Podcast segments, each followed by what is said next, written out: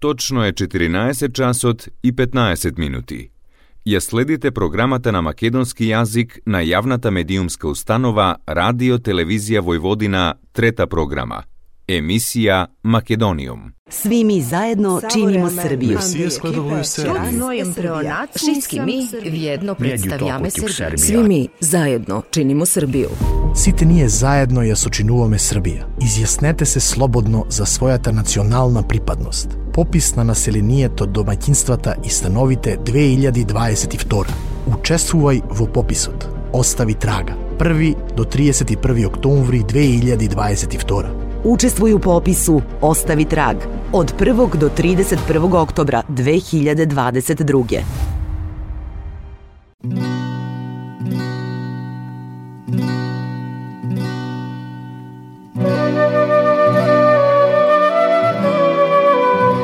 Македониум.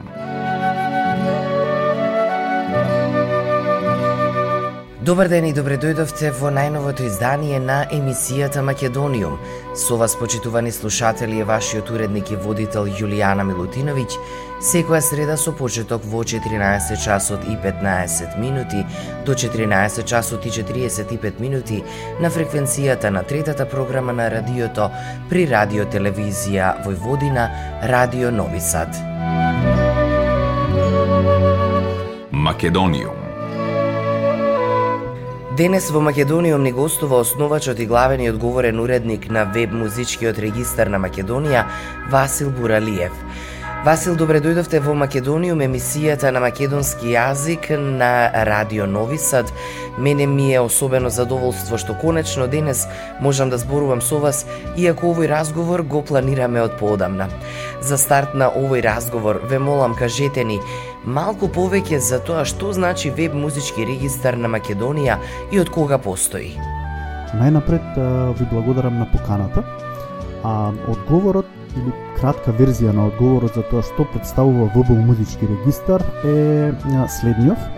ВБ музички регистар практично представува иницијатива а, на група а, влюбеници во музиката а, или поточно на влюбеници во музиката од домашната музичка продукција, а, која што треба да резултира со а, создавање дигитална архива на податоци за музичките изданија создадени а, и објавени од луѓе од а, Македонија. А, дополнително, една од главните и клучните цели на, на оваа иницијатива е придонес во промоција на, на, на таа музичка содржина создадена од луѓето од Македонија. Македониум. Од каде дојде идејата да настане овој регистар бидејќи, колку што јас знам, ова е прв таков на македонска музика онлайн. Идејата а, за создавање на ВБУ музички регистар е поврзана со една романтична приказна, а, која што е директно врзана со мене како како основач на на оваа иницијатива. Во еден период кога сакав да се земам па малку поголема оддишка од професионалниот живот, решив да да слушам малку повеќе музика од домашната продукција. Тоа практично е нешто што го правев во во во деновите кога бев средношколец. И на тој начин практично да си ги задоволам некои некои свои свои потреби за за хранење на духот преку преку слушање на на, на музика. Додека го правев тоа, решив да ги евидентирам податоците за музичките изданија и за песните практично кои што ги кои што ги слушав. А, и поради тоа што а, мојот професионален живот е врзан со информатичката технологија и имам некакви предзнаења за создавање на, на, на бази на податоци, а, решив да го направам тоа во малку поструктурирана форма, односно да направам база на податоци во која што ќе се чуваат а, податоците за музичките изданија. А, како поминуваше периодот, а, успеав да, да евидентирам а, голема група а, или повеќе изданија музички и да соберам некакви податоци за тие музички изданија, па решив да, да, да таа збирка на, на податоци или информации за музичките изданија ја објавам и ја направам јавно достапна за секој оној кој што го интересира. И тогаш направив некоја поедноставна форма на веб апликација или веб страничка преку која што луѓето можеа да видат да ги видат податоците за тие за тие музички изданија. понатаму па, во па, следниот период по тој почеток или по тие почетоци имаше најразлични идеи за тоа како би можело тој едноставен систем достапен преку преку веб да овозможи други дополнителни сервиси за оние кои што ја сакаат музиката како слушачи, но и оние кои што ја создаваат. Па така таа веб апликација или таа веб страница се градеше во различни насоки, се додаваа најразлични функции, се додаваа дополнителни податоци кои што се видливи или кои што се кои што се прибира. Направен е некаков едноставен механизам за пребарување низ тие податоци, направени се дополнителни најразлични рубрики во кои што се класифицираат и се и се и може да се прегледуваат е, изданијата. А, не знам дали е прв е, е, ваков е, систем, е, поточно сигурен сум дека не е прв ваков е, систем, затоа што е, државата е, има е, има архива на публикации е, кои што имаат податоци меѓу другото и за музички изданија, кои што не сум не сум до крај сигурен, меѓутоа мислам дека не не е ажурен или не е ажуриран во последните во последните години. Па во тој контекст можеби во музички регистар е, единствен затоа што има податоци за музички изданија кои што не може да се најдат во таква форма и концентрирани на на едно место со можност релативно лесно да се прегледува што е поново, што е постаро, да се филтрира и да се и да се прегледуваат податоците по, по жанрови или по, по неколку различни други критериуми. Во тој контекст би кажал дека дека музички регистар е единствен и она што е единствено е што е јавно јавно достапен а, преку а, преку веб. А, што значи тоа? Тоа значи дека секој а, може да да пристапи на вебсајтот www.muzичкирегистар.com и да ги види податоците и да ги пребарува податоците што ги има дигиталната архива на на ВБУ Музички регистар, која што брои а, негде како прилика во овој момент а, преку 30 или преку 40 илјади песни.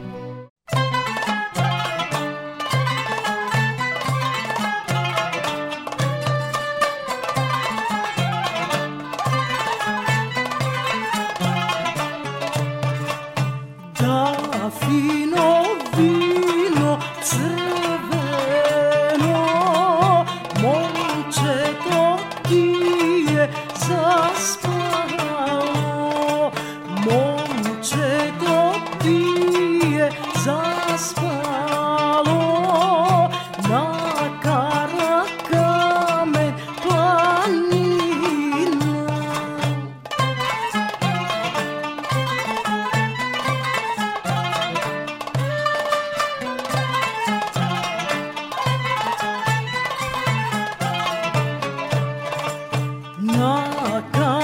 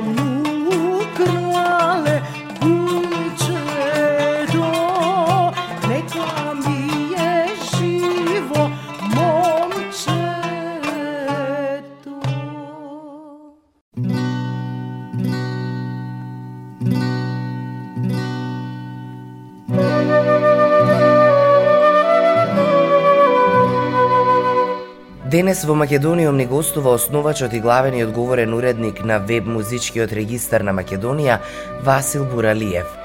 Со оглед на тоа дека редовно ги добивам вашите билтени, низ кои ја гледам големата поддршка и промоција на македонската авторска музика, дали постои некоја просечна бројка на месечни изданија, што најмногу се снима и што најмногу се издава? Во контекст на тоа колку музички изданија се објавуваат на месечно ниво, Еве ќе споделам со вас дека во 2022 година од 1 јануари до 30 септември, да ги земеме првите 9 месеци од, од годината, она што го евидентирал музички регистар е бројка од приближно 600 музички изданија, и тоа изданија од различен тип, синглови, албуми, проширени изданија, односно EP-а и музички музички компилации. Ако оваа бројка се подели на, на, на 9, тогаш излегува дека во просек некаде измеѓу 65 и 70 музички изданија се објавуваат секој, секој месец.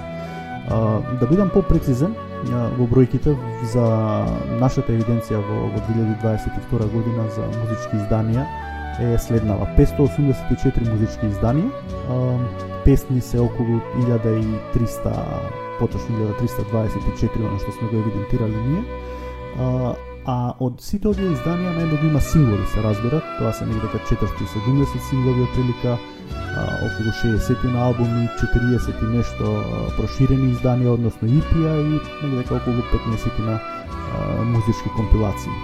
А, што најмногу се снима а, или што најмногу се објавува во контекст на а, музичките жанрови, а, практично пет музички жанрови се оние во кои што има музички изданија објавени во во секој месец, а и сумарно до сега во последниве во последниве 9 месеци. А, а тоа се жанровите популарна музика, хип-хоп или рап музика, рок музика, електронска музика и фолк музика. Значи ова се а, петте жанра во кои што би можеле да се сврстат музичките изданија кои што се објавуваат не само во 2022 година трендот е, е, е ист или многу сличен а, во изминатата година 2021 па и 2020 година би, би рекол.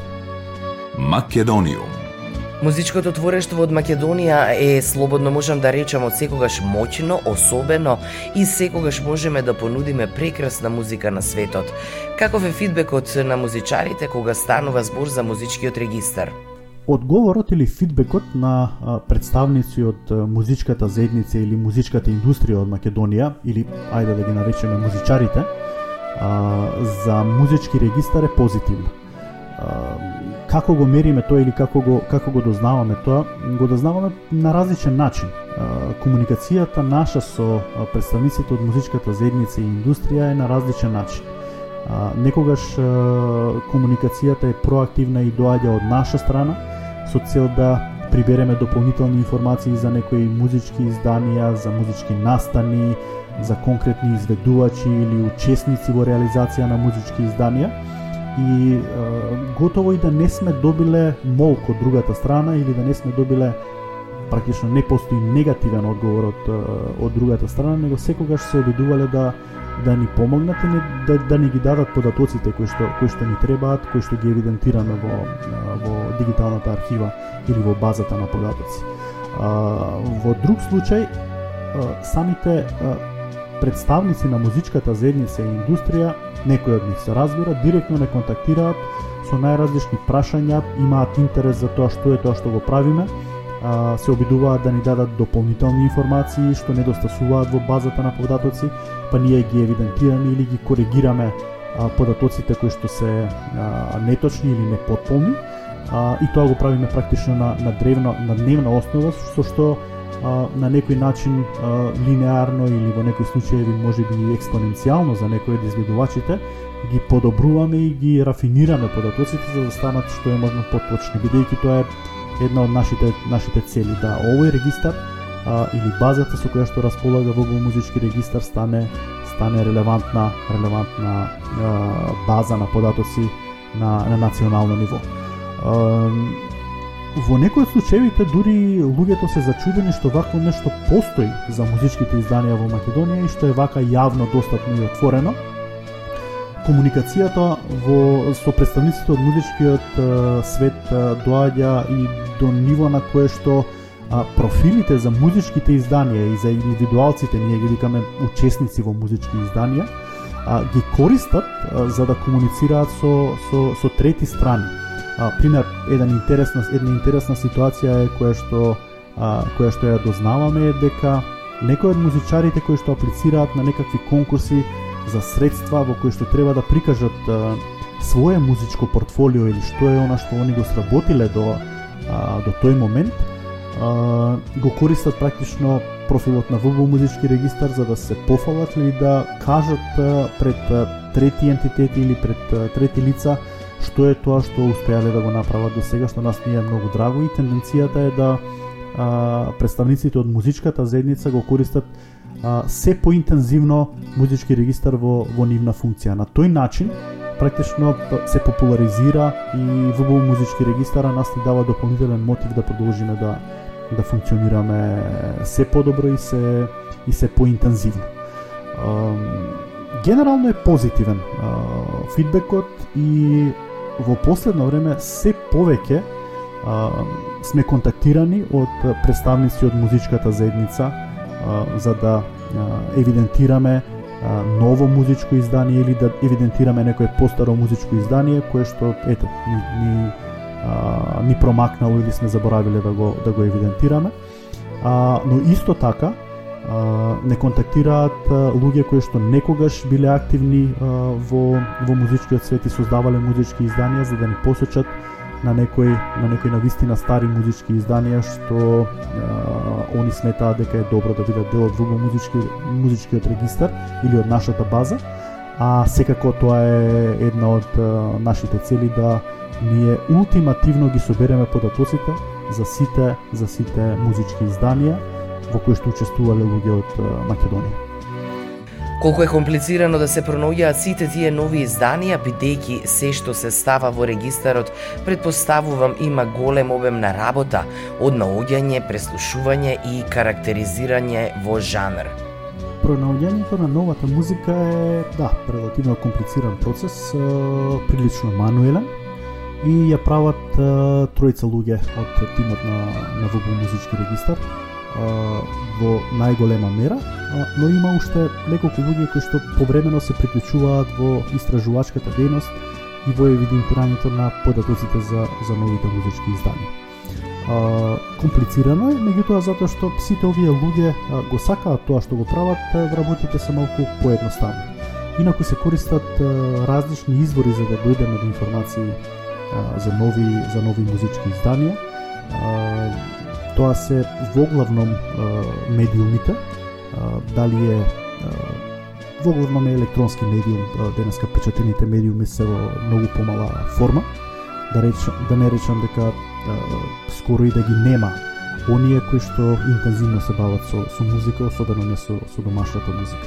Меѓутоа телевизиите, радијата се уште се уште функционираат и има програма која што третира домашна домашна музика. А, понатаму сериозен извор ни се а, неколку а, портали со а, информации а, и со вести кои што третираат а, домашна музика. А едни од главните извори на информации за тоа каква нова музика има или што е новата музика од домашната музичка продукција се а, модерните а, стриминг сервиси и е-продавници за музика кои што интензивно ги ги мониторираме. Тоа се YouTube, Spotify, Amazon Music, Apple Music, Deezer, со акцент на YouTube. YouTube е еден од најпопуларните сервиси што го користат домашните изведувачки изведувачи и музички автори и скоро да нема песна а, или генерално музичко издание што е објавено, а кое што не може да се најде таму. А, значи се бара време, бара време преслушувањето на музиката, идентификувањето на, на новите музички изданија, нивното евидентирање во нашиот систем, а, се разбира податоците. Музички регистар не а, чува фонограми или не чува аудио записи. Музички регистар само линкува до, до аудио стриминг сервисите или музичките продавници, за да можат луѓето таму да ја преслушаат музиката за која што ние евидентираме податоци. Се тоа бара време и е поприлично мануелен процес во моментов, меѓутоа комплексноста или да речем тој напор се на некој начин се компензира со големата желба и љубовта према према музиката, особено према према домашната музика.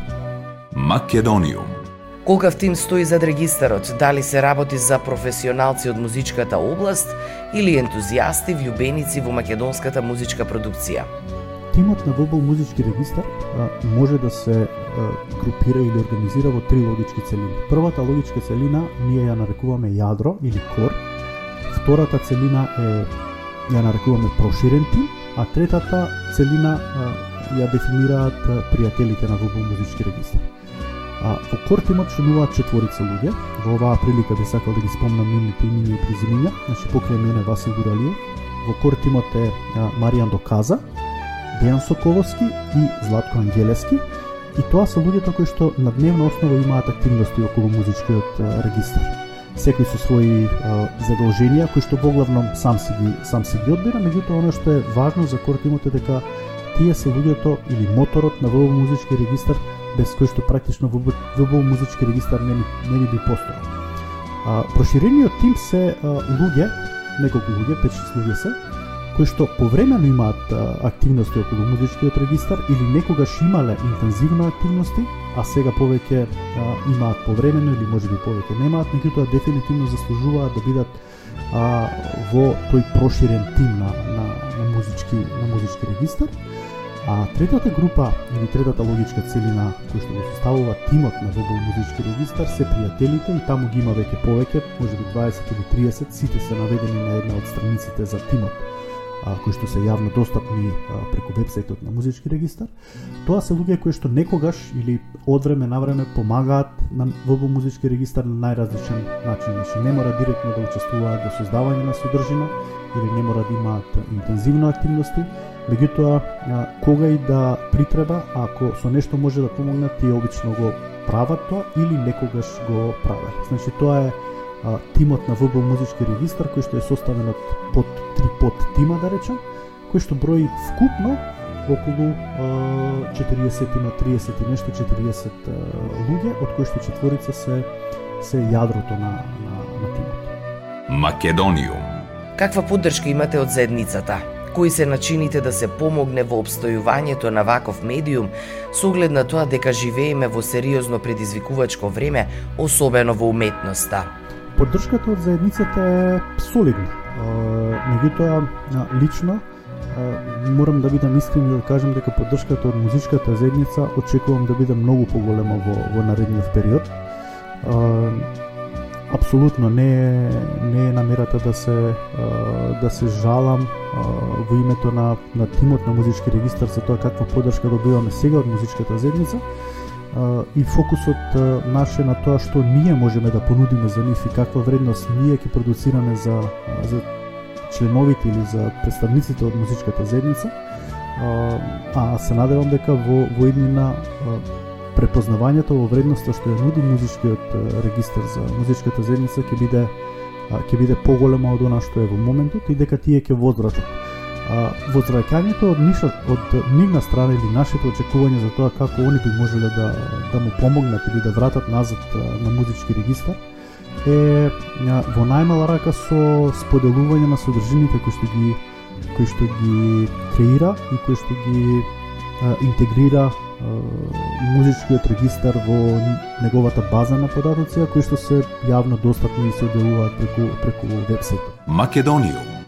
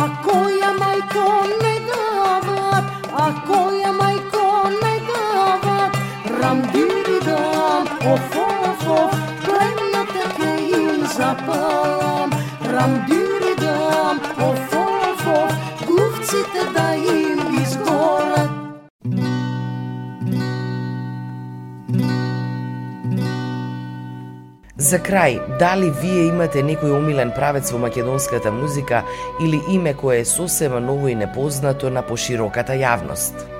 Не би можел да кажам а, кој музички жанр ми е посебно омилен. А, меѓутоа, би сакал да издвојам дека хип-хопот како музички жанр или музички правец а, ми е посебен предизвик да го следам, а, особено а, македонскиот македонскиот хип-хоп.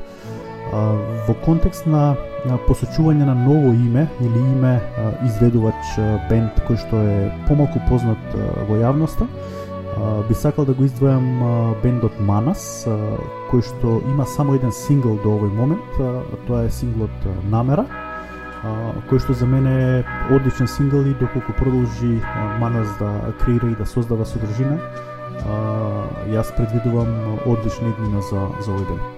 Македониум Денеска во Македониум ни гостуваше Васил Буралиев од веб музичкиот регистар на Македонија.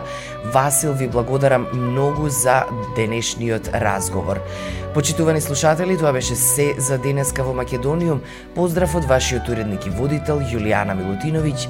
Ние сме повторно заедно следната среда во исто време.